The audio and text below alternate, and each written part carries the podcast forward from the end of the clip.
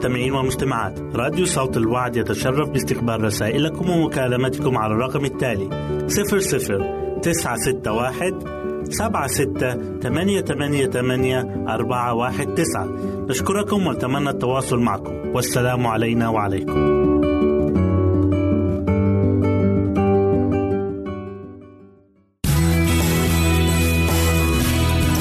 استماع وتحميل برامجنا من موقعنا على الإنترنت www.awr.org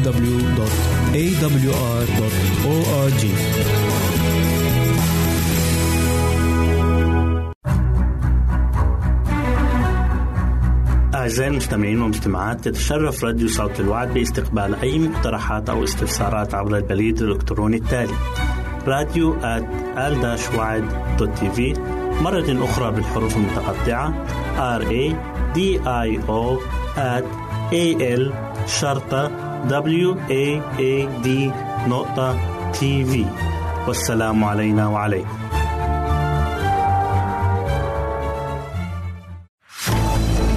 أعزائي المستمعين والمستمعات راديو صوت الوعد لا يكتفي بخدمتكم عبر الموجات الصوتية فقط بل وإنه يطرح لكم موقعا إلكترونيا يمكنكم من خلاله مشاهدة أجمل البرامج الدينية الثقافية الاجتماعية وغيرها من المواضيع الشيقة. يمكنكم زيارة الموقع من خلال العنوان التالي www.al waad.tv مرة أخرى بالحروف المتقطعة www.al-waad.tv والسلام علينا وعليكم.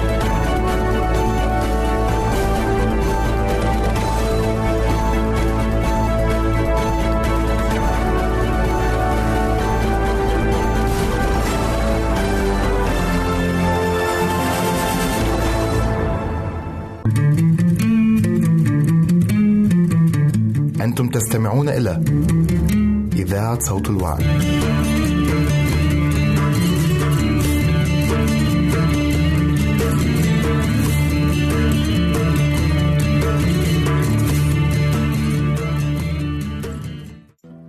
التوبة أوائل الثمر ليس أنتم اخترتموني بل أنا اخترتكم وأقمتكم لتذهبوا وتأتوا بثمر ويدوم ثمركم لكي يعطيكم الآب كل ما طلبتم باسمي. يوحنا 15 آية 16 لكي ما نحمل ثمرا كثيرا ينبغي الاستفادة قدر المستطاع من المميزات والفرص وأن نكون روحانيين في تفكيرنا أكثر وأكثر. ينبغي لنا أن نطرح عنا الأفكار الاعتيادية والكبرياء والدنيويات وأن نستلم يوميا العون الإلهي. فإذا كنت تريد أن تنمو روحيا ينبغي لك توظيف كل الإمكانات التي يتيحها الإنجيل وتكون مستعدا لنيل التقوى بتأثير الروح القدس لأن البذرة تنمو من ورقة عشب صغير إلى نبتة كاملة بواسطة عوامل فائقة الطبيعة لا ترى. إن الوعد الذي به عز يسوع تلاميذه حالا قبيل الخيانة والصلب كان هو الخاص بإرسال الروح القدس وفي التعليم عن التأثير الإلهي والقوة فأي غنى قد استعلن لهم. لأن من شأن هذه البركة أن تجر في أثرها كل البركات الأخرى. إن الروح القدس ينفخ على النفس التي تستريح في المسيح باتضاع بوصفه رئيس إيماننا ومكمله. ومن مثل هذا المؤمن ستأتي ثمار كثيرة للحياة الأبدية. وتأثيره سيكون كالشذا وسيكون اسم يسوع كالموسيقى لأذنه وكاللحن في قلبه. وسيكون المسيحي بمثابة رائحة حياة لحياة الآخرين. ورغم أنه قد لا يكون قادرا على توضيح غوامض هذا الاختبار ولكنه يعلم أنه عندما تحيط به الغيوم والظلام ويصرخ إلى الرب يزول الظلام ويتبدد ويسكن الفرح والسلام في هيكل النفس ويعلم ماذا يعني أن يحظى بمحبة الله الغافرة التي انسكبت في قلبه وأن يختبر السلام الذي يفوق كل عقل بحيث ينبع الشكر والتمجيد في نفسه للذي أحبنا وغسلنا من خطايانا بدمه. إن السلام يملك في قلبه بالمسيح يسوع والفرح بالروح القدس. وإذ يتحد بالمسيح تمتلئ نفسه بالخضوع لمشيئته والسماء تعزز في قلبه بينما يكون هو مطوق في حضن المحبة اللامتناهيه المسيحيون الذين من هذا النمط يحملون كثيرا من الثمر لمجد الله وهم يترجمون صفات الله في حياتهم بصدق ويجسمون سجاياه تجاه العالم. لذلك يقول ارحمني يا الله حسب رحمتك حسب كثرة رأفتك امحو معصية أغسلني كثيرا من إثمي ومن خطيتي طهرني. يوجد أولئك الذين رغم كل دعوات المسيح الحانية لهم يواصلون إظهار عدم التقوى في حياتهم. إن الله يخاطب كل هؤلاء بالكلمات التالية. إلى متى أيها الجهال تحبون الجهل؟ ارجعوا عند توبيخي. ها أنا ذا أفيض عليكم روحي. أعلمكم كلماتي. والتوبة عن الخطية هي من أوائل ثمار عمل الروح القدس في حياة الإنسان. إنها الطريقة الوحيدة التي بها يمكن أن تنعكس النقاوة اللامتناهية التي في المسيح في حياة شعبه. في المسيح يحل كل الملء وأن العلوم التي ليست في توافق وتناغم معه لا قيمة لها. إنه يقودنا لنعتبر كل شيء خسارة لكي نحظى بمعرفة المسيح يسوع ربنا. إن هذه المعرفة هي أسمى علم يمكن لأي إنسان أن يصل إليها.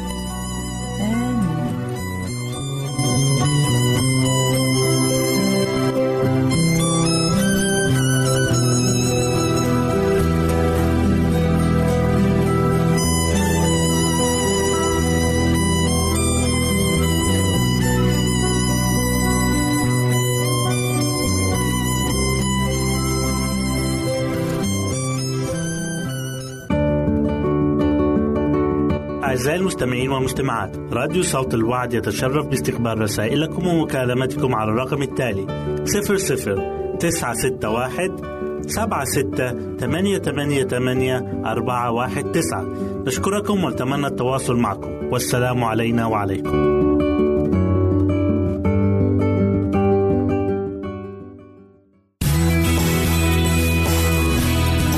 استماع وتحميل برامجنا من موقعنا على الإنترنت www.awr.org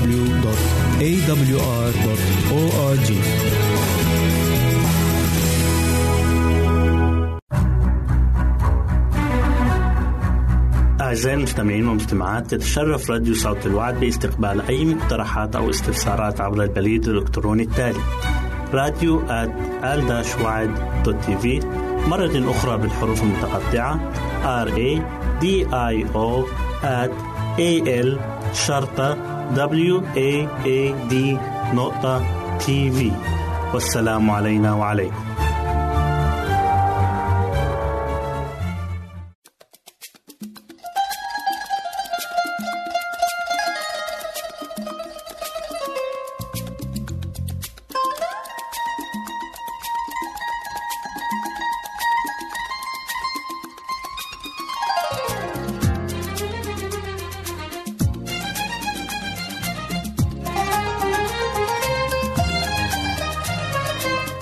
شعب المسيح يرنم ويعلي هتافه. في غناه الرب مكرم بكماله أوصافه. شعب المسيح يرنم ويعلي هتافه. في غناه الرب مكرم بكماله أوصافه. الله محبة وحبه ويشفي العقيل وأمانته تبدأ وحقه جيل بعد جيل. الله محبة وحبه ويشفي العقيل وأمانته تبدأ وحقه جيل بعد جيل بعد في الصيف سحابه في الشتا ملجأ لحبابه وبعد في الصيف سحابه في الشتا ملجأ لحبابه دمه اللي سال عشاننا هذا الدليل شعب المسيح يرنم ويعلي هتافه. غناه الرب مكرم بكماله أوصافه. شعب المسيح يرنم ويعلي هتافه في غناه الرب مكرم بكماله أوصافه.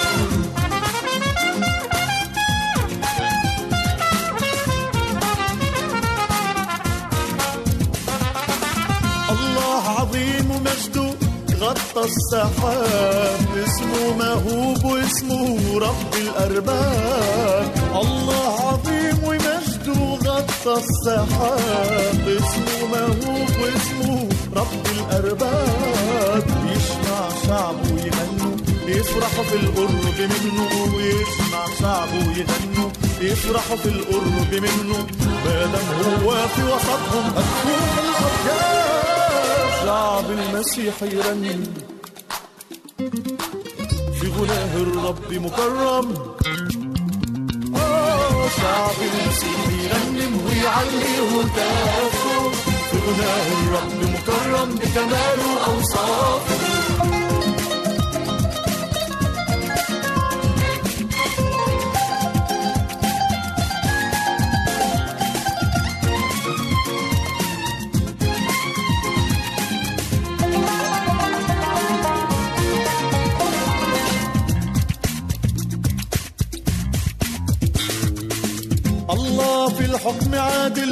ينصف المظلوم وعني كشف الحقائق والكل معلوم. الله في الحكم عادل ينصف المظلوم وعني كشف الحقائق والكل معلوم. أفضل أهتف وأغني حتى من قلب سجني. أفضل أهتف وأغني حتى من قلب سجني. إلهي حي ويسمعني. شعب المسيح يرنم ويعلي هتافه في غناه الرب مكرم بكماله أوصافه شعب المسيح يرنم ويعلي هتافه في غناه الرب مكرم بكماله أوصافه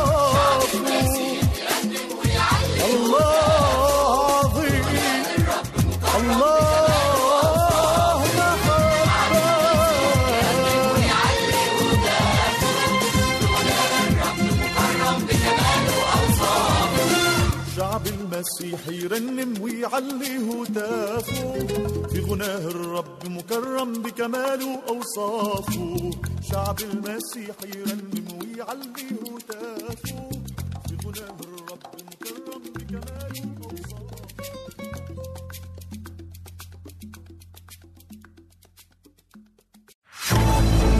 أعزائي المستمعين والمستمعات راديو صوت الوعد لا يكتفي بخدمتكم عبر الموجات الصوتية فقط بل وإنه يطرح لكم موقعا إلكترونيا يمكنكم من خلاله مشاهدة أجمل البرامج الدينية الثقافية الاجتماعية وغيرها من المواضيع الشيقة. يمكنكم زيارة الموقع من خلال العنوان التالي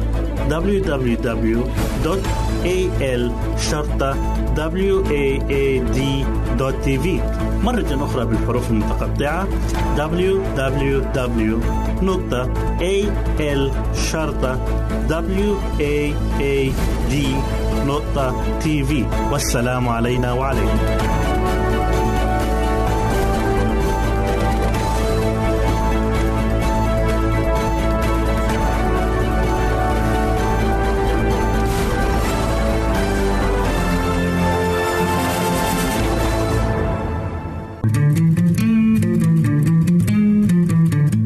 أنتم تستمعون إلى إذاعة صوت الوعد.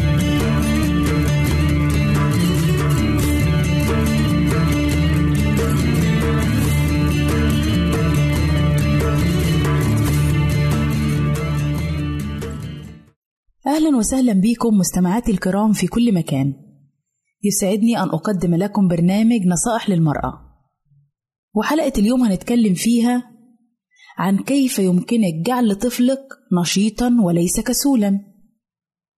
إن يكون طفلك نشيط ده أمر أساسي لصحته. والحركة والرياضة والأنشطة المختلفة بتساعد طفلك في الحفاظ على وزن مثالي. كمان بتخليه ينام بطريقة أفضل بالإضافة لتقوية عظامه وعضلاته وتقليل مخاطر إصابته بداء السكري من النوع التاني. ولازم تعرفي إن غياب القدوة واهتمام الطفل المتزايد بمشاهدة التلفزيون وألعاب الفيديو هيقلل من حماسته ورغبته إنه يكون نشيط. فحاولي تكتشفي السبب الحقيقي اللي بيخلي طفلك يكون كسول. أحيانا بيكون كسل الطفل نابع من شعوره بالخوف من الفشل. وفيه طرق كتير من خلالها تقدري تحفزي طفلك وتشجعيه إنه يكون نشيط. يعني حاولي إن أنت تقوميه بدري وكمان تقدري تاخديه معاكي للتمشية في الصبحية أو الجري لأن الحاجات دي هتخليه نشيط لبقية اليوم. خلي الرياضة اليومية روتين في حياة طفلك. يعني على الأقل ممكن تحددي لطفلك حوالي ستين دقيقة إن هو يمارس فيها الرياضة. حاولي تخلي الرياضة أسلوب حياة بالنسبة للطفل من وهو لسه صغير. خليكي بالنسبة له قدوة في النشاط لأن الطفل بيقلد والده ووالدته. لو لاحظ إنك كسولة مثلا هيتعلم منك. يشوفك مثلا تروحي لصالة الألعاب الرياضية أو بتتمشي كل يوم أو بتشتغلي بحماس وبنشاط. وكمان شجعي طفلك إنه يندمج في الأنشطة المختلفة في المدرسة. الأنشطة اللي مناسبة لسنه. ولو مثلا رحتي الحديقة وخدتي طفلك معاكي ده مش هيشجعه إن هو يكون نشيط. لكن الأفضل إنك تشجعيه إن هو يشترك في الأنشطة المدرسية. وبالنسبة لطفلك اللي لسه ما راحش المدرسة تقدري تشجعيه على ركوب العجلة أو الدراجة أو لعب الكورة لأن ممارسته للحاجات دي هتخليه يكون نشيط. أما إذا كان طفلك راح المدرسة شجعيه إنه يشترك مع أصدقائه في النشاطات المختلفة. زي برضه ركوب الدراجات ولعب الكورة ويشترك في المخيمات والمعسكرات. كمان من الحاجات اللي لازم تخلي بالك منها إنك ما تحطيش التلفزيون في غرفة نوم طفلك. ولو بيتفرج على التلفزيون لازم يكون فيه وقت محدد ومعين ليه ما يزيدش عن ساعتين في اليوم. وبالنسبة للطفل اللي عمره أكتر عن سنتين ما يتفرجش على التلفزيون لمدة طويلة لكن أقل عن سنتين من الأفضل إن هو ما يتفرجش على التلفزيون خالص. خلي الرياضة والنشاط يكون سمة للعيلة كلها.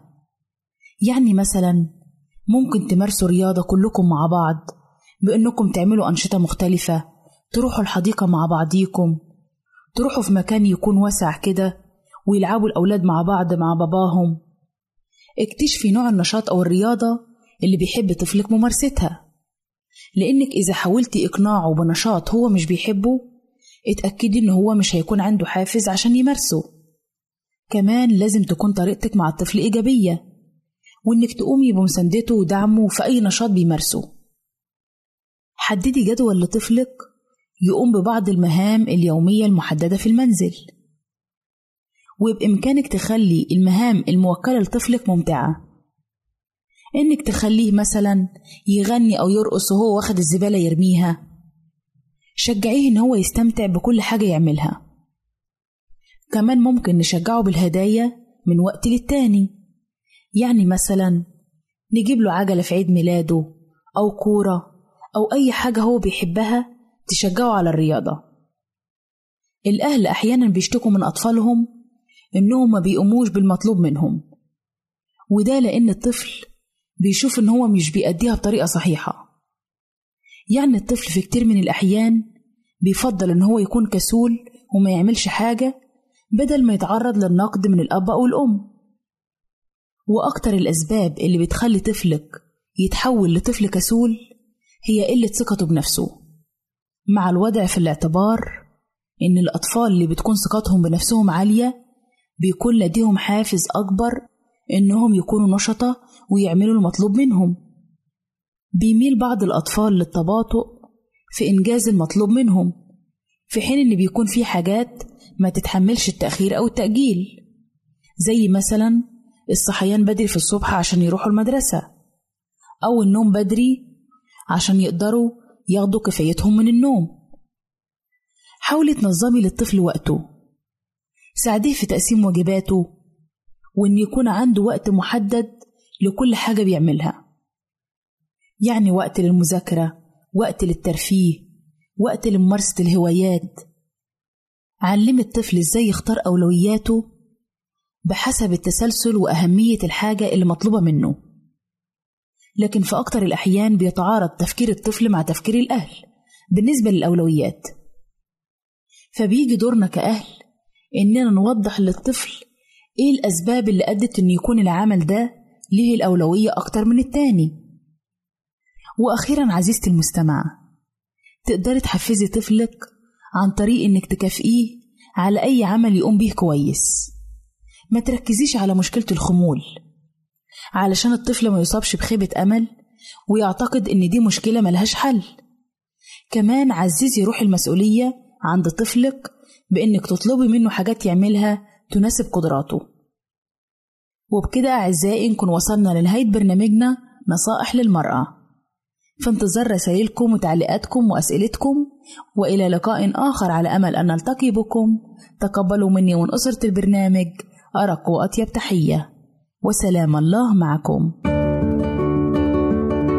أعزائي المستمعين والمستمعات راديو صوت الوعد يتشرف باستقبال رسائلكم ومكالمتكم على الرقم التالي 00 961 سبعة ستة ثمانية ثمانية ثمانية أربعة واحد تسعة.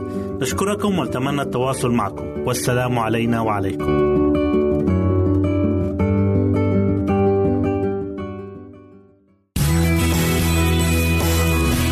يمكنك استماع وتحميل برامجنا من موقعنا على الإنترنت www.awr.org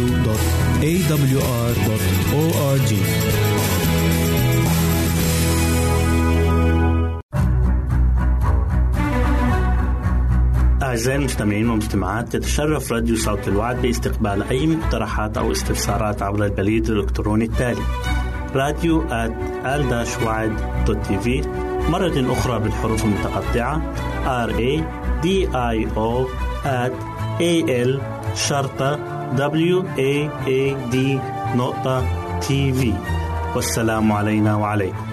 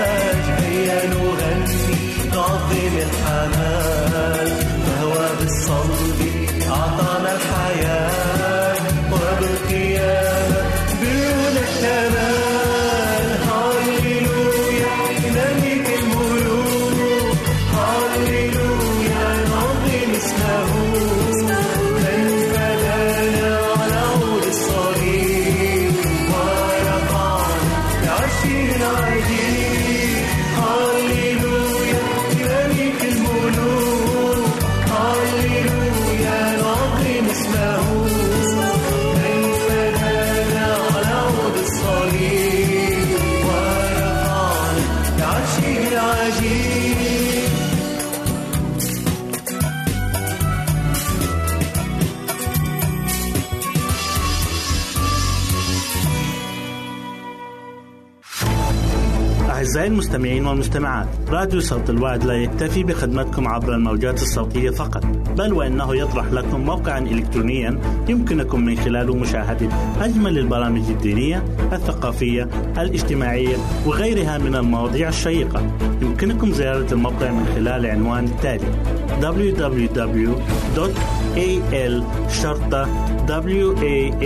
www.al-waad.tv مرة أخرى بالحروف المتقطعة. www.al-waad.tv والسلام علينا وعليكم.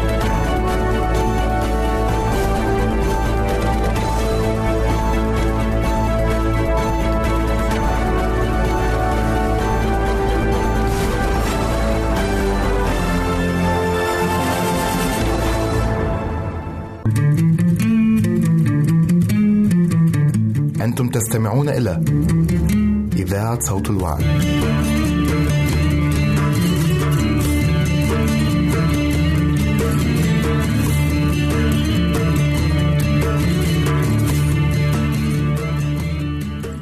أهلا بكم أعزائي المستمعين في لقاء جديد من برنامج عمق محبة الله حلقة اليوم تحمل عنوان الطبيب العظيم. كان البرص من بين الأمراض المعروفة في الشرق، وكان مرضا مخيفا جدا، فهو معدي ولا شفاء منه. ابقوا معنا. فبسبب آثاره المرعبة كان أشجع الناس يرتعدون منه، وكان اليهود يعتبرونه دينونة من الله على خطية ارتكبها الأبرص. وكان يحكم على الأبرص أنه نجس بحسب الشريعة اليهودية. فكان يحكم على الأبرص بطرده من بين الناس ويعتبر كأنه مات وكل من يلمسه يعتبر نجسا أيضا. كان الأبرص يفصل عن عائلته ويحكم عليه بأن لا يعاشر أحدا إلا من كانوا مرضى مثله بالبرص. فحتى الملوك الذين كانوا يصابون بهذا المرض كانوا يسلمون قضيب الملوك لآخر وينفوا بعيدا عن الناس. فكان على الأبرص أن يعلن عن مرضه فيمزق ثيابه ويغطي وجهه ويحذر الكل لكي يهربوا من العدوى. وكان يجب على الأبرص أن يصرخ قائلا أنه نجس نجس لكي يهرب الناس منه.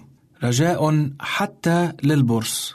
كان يوجد الكثير من البرص في الإقليم الذي كان يخدم فيه السيد المسيح. فسمعوا عنه فأشرقت في قلوبهم أنوار الأمل والرجاء. أحد هؤلاء الرجال البرص سمع عن يسوع ولكنه لم يكن يعلم كيف يصل إليه وكيف سيتقدم إلى ذلك الشافي وهو ممنوع عليه الاختلاط بالناس فقال لنفسه هل سيقبلني يسوع؟ هل سيشفيني؟ هذه الأسئلة وغيرها جالت في مخيلة ذلك الأبرص المسكين لقد سمع عن يسوع وسمع أنه لم يرفض مريضا طلب منه الشفاء ولكن أين سيلتقيه؟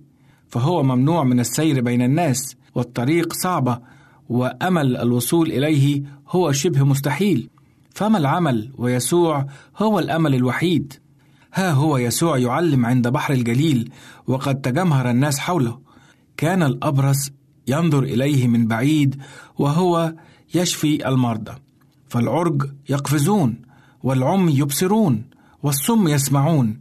رأى هؤلاء يشفون وهم يسبحون الله على شفائهم. أخذ الرجل الأبرص يقترب من يسوع شيئا فشيئا ناسيا أو متناسيا كره الشعب واشمئزازهم منه ولكنه لا يفكر في غير الرجاء المبارك رجاء الشفاء. لا شك أن الناس تراجعوا بعيدا عنه عندما رأوه وعبثا حاول الناس إبعاده عن يسوع ولكنه لا يراهم ولا يسمعهم. فهو لا يرى إلا يسوع ولا يسمع غير صوت يسوع فهو أمله الوحيد. حتى عبارات الاشمئزاز التي يسمعها منهم لم تؤثر فيه. إنه لا يرى ولا يسمع إلا ذلك الصوت الحنون الذي يمنح الحياة للموتى. وإذ يدنو من يسوع يجثو عند قدميه ويصرخ قائلا كما موجود في متى أصح 8 وعدد 2 يا سيد إن أردت تقدر أن تطهرني.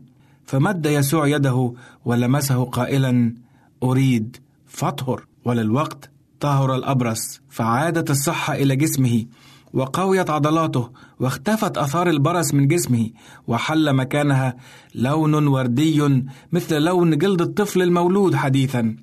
طلب منه يسوع أن لا يذيع نبأ شفائه بل أن يقدم عن نفسه ذبيحة في الهيكل. فيقول الكتاب فانتهره وأرسله للوقت وقال له انظر لا تقل لأحد شيئا بل اذهب أري نفسك للكاهن. لم يكن بمقدور هذا الرجل الاجتماع بأهله وعائلته ما لم ينال أمرا صريحا من أحد الكهنة بأنه قد شفي من البرص. لقد أراد يسوع من الأبرص أن يقدم نفسه في الهيكل قبل أن يصل إلى مسامع الكهنة خبر تلك المعجزة. وهكذا يمكن أن يصدروا حكما عادلا له.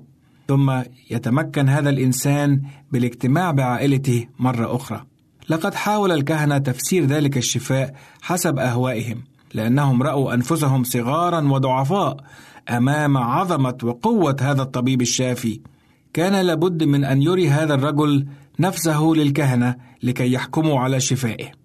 وعوضا من أن يفرح الكهنة واليهود لشفاء مريض من بني جنسهم انزعجوا وذهبوا يفسرون عملية الشفاء حسب أهوائهم. لم يستطع ذلك الإنسان السكوت على ما حصل بل نادى في كل مكان عن عطية الله العظمى في شخص السيد المسيح. إن البرص أعزائي يرمز إلى الخطية والخطية موجودة بين الناس شئنا أم أبينا. الخطية مميتة كالبرص. وكما أن مرض البرص كان مستعصيا على الأطباء هكذا الخطية أيضا. فلا تستطيع عقاقير وأطباء العالم ولا صيدليات الكون من تقديم دواء لشفاء هذا المرض. إنه يسوع وحده الذي يستطيع ذلك. أحبائي إن الطبيب العظيم ما زال حيا لأجلي ولأجلك. وهو ما زال يعمل المعجزات العظمى ومستعد أن يطهرنا من كل نجاسات الحياة والخطية. فلا توجد خطية لا يستطيع الرب يسوع المسيح أن يغفرها. فدم يسوع المسيح يطهرنا من كل خطية ويسوع يريد أن يطهرك أنت عزيزي المستمع. فلا تتوانى وسلم قلبك وحياتك له الآن. أشكركم أعزائي المستمعين لحسن استماعكم إلى برنامج عمق محبة الله وأترككم في رعايته وحلقة جديدة الأسبوع القادم. أعزائي المستمعين والمستمعات راديو صوت الوعد يتشرف باستقبال رسائلكم ومكالمتكم على الرقم التالي 00 961 سبعة ستة ثمانية ثمانية ثمانية أربعة واحد تسعة. نشكركم ونتمنى التواصل معكم. والسلام علينا وعليكم.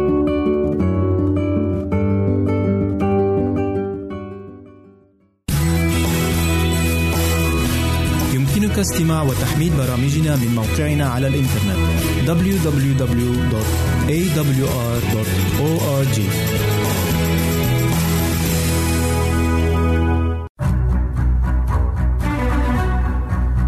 أعزائي المستمعين والمستمعات تتشرف راديو صوت الوعد باستقبال أي مقترحات أو استفسارات عبر البريد الإلكتروني التالي راديو تي في مرة أخرى بالحروف المتقطعة R A D I O A L شرطة W A A D نقطة تي في والسلام علينا وعليكم.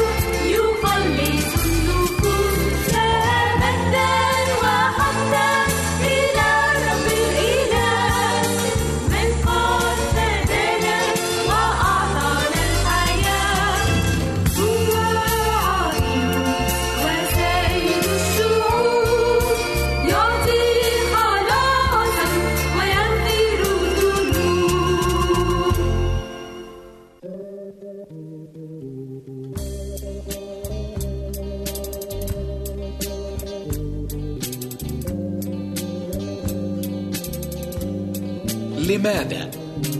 ألم تؤرقك يوما كلمة لماذا؟ وأداة الاستفهام كيف بعد أن سبقتها علامات التعجب؟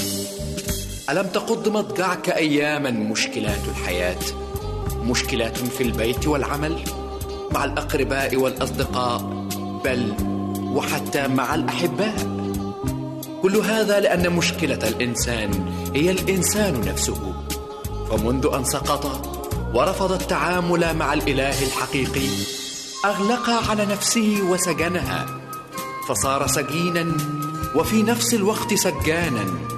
والإنسان في كل هذا حائر. ماذا يفعل؟ رغم أن الله عن كل واحد منا ليس بعيدا. فالسماوات تحدث بمجد الله والفلك يخبر بعمل يديه. هل ترى في رقة الطيور؟ في بسمة الزهور النجوم والبحور الورود والصخور تعلن مجد هذا الإله.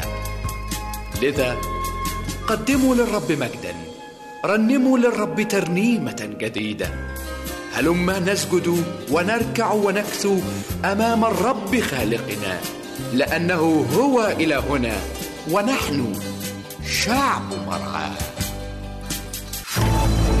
أعزائي المستمعين والمستمعات راديو صوت الوعد لا يكتفي بخدمتكم عبر الموجات الصوتية فقط بل وإنه يطرح لكم موقعا إلكترونيا يمكنكم من خلاله مشاهدة أجمل البرامج الدينية الثقافية الاجتماعية وغيرها من المواضيع الشيقة. يمكنكم زيارة الموقع من خلال العنوان التالي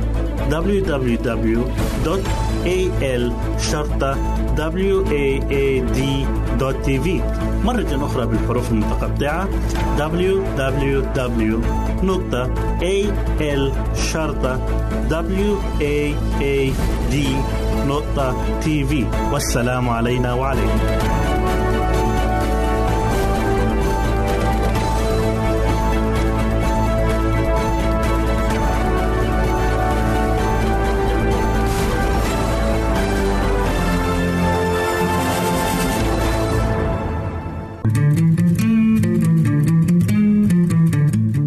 تستمعون إلى إذاعة صوت الوعد.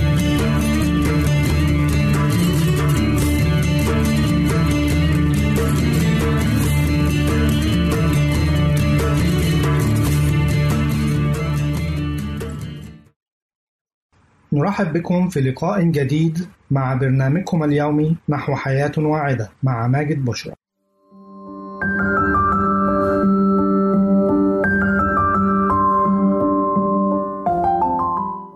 فوائد التمر الهندي. التمر الهندي هو إحدى الثمار التي تنمو على الأشجار وهو من فصيلة الفوليات بحيث تبدو الثمرة على هيئة قرون طويلة تحتوي بداخلها على اللب الذي يتم استخلاصه للتناول أو كمعجون أو استخدامه كشراب. وعصير التمر الهندي من العصائر المشهورة وكان التمر الهندي يستخدم منذ زمن طويل في العديد من الأغراض الطبية والتجميلية. وفي هذه الحلقة سنستعرض سويا فوائد التمر الهندي. فوائد التمر الهندي عديدة ومنها وقاية الجسم وحمايته من الأمراض السرطانية والأورام الخبيثة وذلك لاحتوائه على مواد مضادة للأكسدة والتي بدورها أيضا تساعد في تأخير ظهور علامات التقدم في السن مما يعالج مشاكل ترهل الجلد وظهور التجاعيد علاج التهابات العين وذلك لأنه يحتوي على الفيتامينات كفيتامين A وفيتامين B والتي تعمل على ترطيب العين ووقايتها من الفيروسات يتم عصره واستخدامه كخطرة للعين. علاج مشكلات البشرة من الحبوب والبثور وذلك من خلال تغذية البشرة وذلك من خلال تغذية البشرة لاحتوائه على الأحماض الدهنية والفيتامينات الهامة مما يقضي على الخلايا الميتة بالجسم ويعالج البشرة بشكل سليم. فتكون النتيجة بشرة صحية وخالية من الحبوب والشوائب. نظرا للتلوث الذي نشهده اليوم فإن درجات الحرارة في ارتفاع مستمر مما يهدد حياة البشر ويسبب العديد من المشاكل كالسكتة الدماغية وهنا تتجلى بوضوح فوائد التمر الهندي الذي يعمل على تبريد وتخفيض درجة حرارة الجسم. تسكين أوجاع البواسير وعلاج التهابات الجهاز البولي والمساعدة في علاج آلام البواسير على المدى الطويل. يعد التمر الهندي علاج فعال للأمراض المعدية والفيروسات والبكتيريا كالتهاب الحلق والشعب الهوائية والتهابات الجسم بشكل عام. وذلك لأنه غني بالمواد المضادة للالتهابات.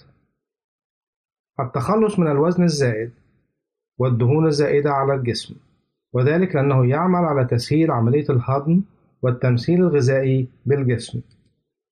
علاج مشاكل المعدة المختلفة وأبرزها القولون العصبي وذلك لأن التمر الهندي غني بالألياف الغذائية. الوقاية من أمراض القلب وذلك لأنه يعمل على تقليل نسبة الكوليسترول والدهون الغير مفيدة. فوائد التمر الهندي في علاج تساقط الشعر. التمر الهندي يعمل على تقوية الشعر ويمنع تساقطه وذلك لأنه غني بالفوائد العديدة لفروة الرأس. إنقاع التمر الهندي في الماء لمدة عشر دقائق وبعد ذلك قومي بتصفية المنقوع جيدا ودلكي به فروة رأسك جيدا ومن ثم استخدمي منشفة دافئة لتغطية الشعر واتركيه لمدة نصف ساعة ومن ثم اغسليه بالشامبو المناسب لفروة رأسك. كرري هذه القصة من مرتين لثلاثة مرات أسبوعيا لمنع تساقط الشعر نهائيا. وصفات الاستفادة من فوائد التمر الهندي في علاج مشاكل البشرة. الوصفة الأولى لتفتيح البشرة. إنقاع حوالي 30 جرام من التمر الهندي في 140 ملم من الماء لمدة من 10 ل 15 دقيقة ثم قومي باستخلاص اللب وامزجيه مع نص ملعقة من كركم ثم اخلطي المكونات معا ووزعيها على البشرة بالتساوي لمدة 15 دقيقة ومن ثم اغسليه بالماء الفاتر وسترى الفرق بنفسك. فهو يجعل البشرة أكثر تألقا وإشراقا ويمكنك تنفيذ ذلك ثلاث مرات بالأسبوع للحصول على النتائج المطلوبة. الوصفة الثانية لعلاج السلوليت اخلطي ملعقتين من مسحوق التمر الهندي مع ملعقة سكر وملعقة عصير ليمون صغيرة وأضيفي إليهم نصف ملعقة من صودا الخبز ومن ثم وزعي الخليط بالتساوي على البشرة في حركة دائرية. سيساعدك استخدام هذه الوصفة بانتظام في التخلص من السلوليت وذلك لأن التمر الهندي مقشر طبيعي للبشرة. الوصفة الثالثة لتبييض البشرة. اخلطي ملعقة من التمر الهندي مع ملعقة من الليمون وأخرى من العسل. ثم قومي بتوزيع الخليط على الوجه لمدة عشر دقائق ومع الاستمرار في استخدام هذه الوصفة ستحصلي على بشرة أكثر بياضا ونعومة الوصفة الرابعة مستخلص التمر الهندي. ملعقة ملح وملعقة كريمة وملعقة زبدة وملعقة تمر هندي اخلطيهم جيدا من ثم وزعي الخليط على بشرتك ودلكيها بحركة دائرية. احصلي على بشرة نضرة ومتألقة. الوصفة الخامسة للتخلص من الهالات الداكنة حول رقبتك. يعاني الكثير من السيدات من مشكلات وجود هالات سوداء حول منطقة الرقبة ويلجؤون إلى حلول كثيرة قد تكون طبية أو طبيعية. لذا نقدم لك اليوم إحدى الحلول الطبيعية للتخلص من هذه المشكلة. اخلطي ملعقة من التمر الهندي مع ملعقة من العسل الأبيض وملعقة ماء ورد من ثم وزعيه على الرقبة لمدة 15 دقيقة ثم اغسليها بالماء الدافئ جيدا. وبهذا نأتي إلى ختام حلقتنا. نرجو أن تكونوا قد استمتعتم بها. حتى نلقاكم في حلقة أخرى.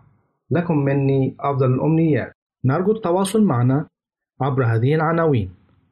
للتشات www.al-waad.tv وللرسائل radio at al-wad.tv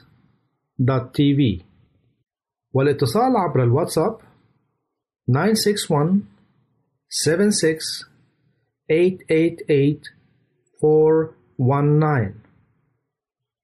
Nine six one seven six eight eight eight four one nine.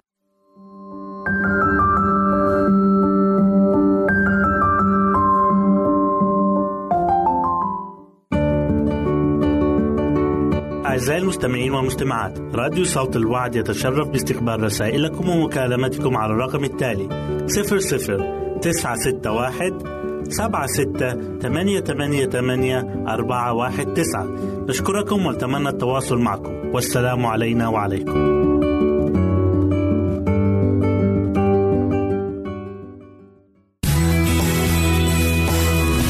يمكنك استماع وتحميل برامجنا من موقعنا على الإنترنت. www.awr.org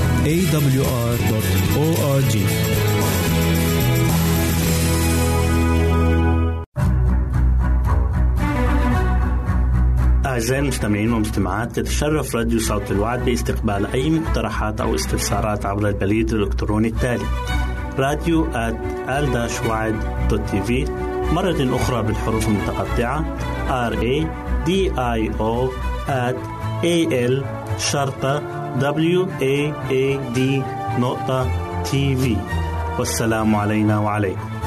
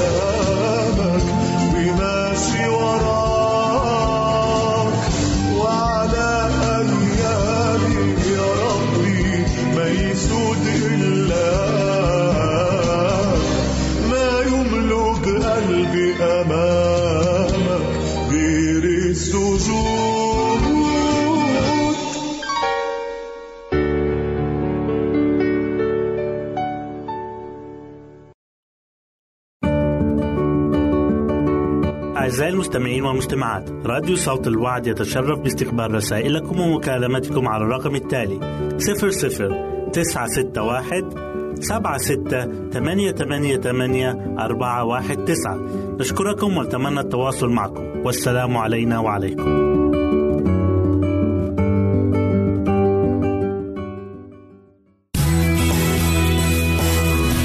يمكنك استماع وتحميل برامجنا من موقعنا على الإنترنت. www.awr.org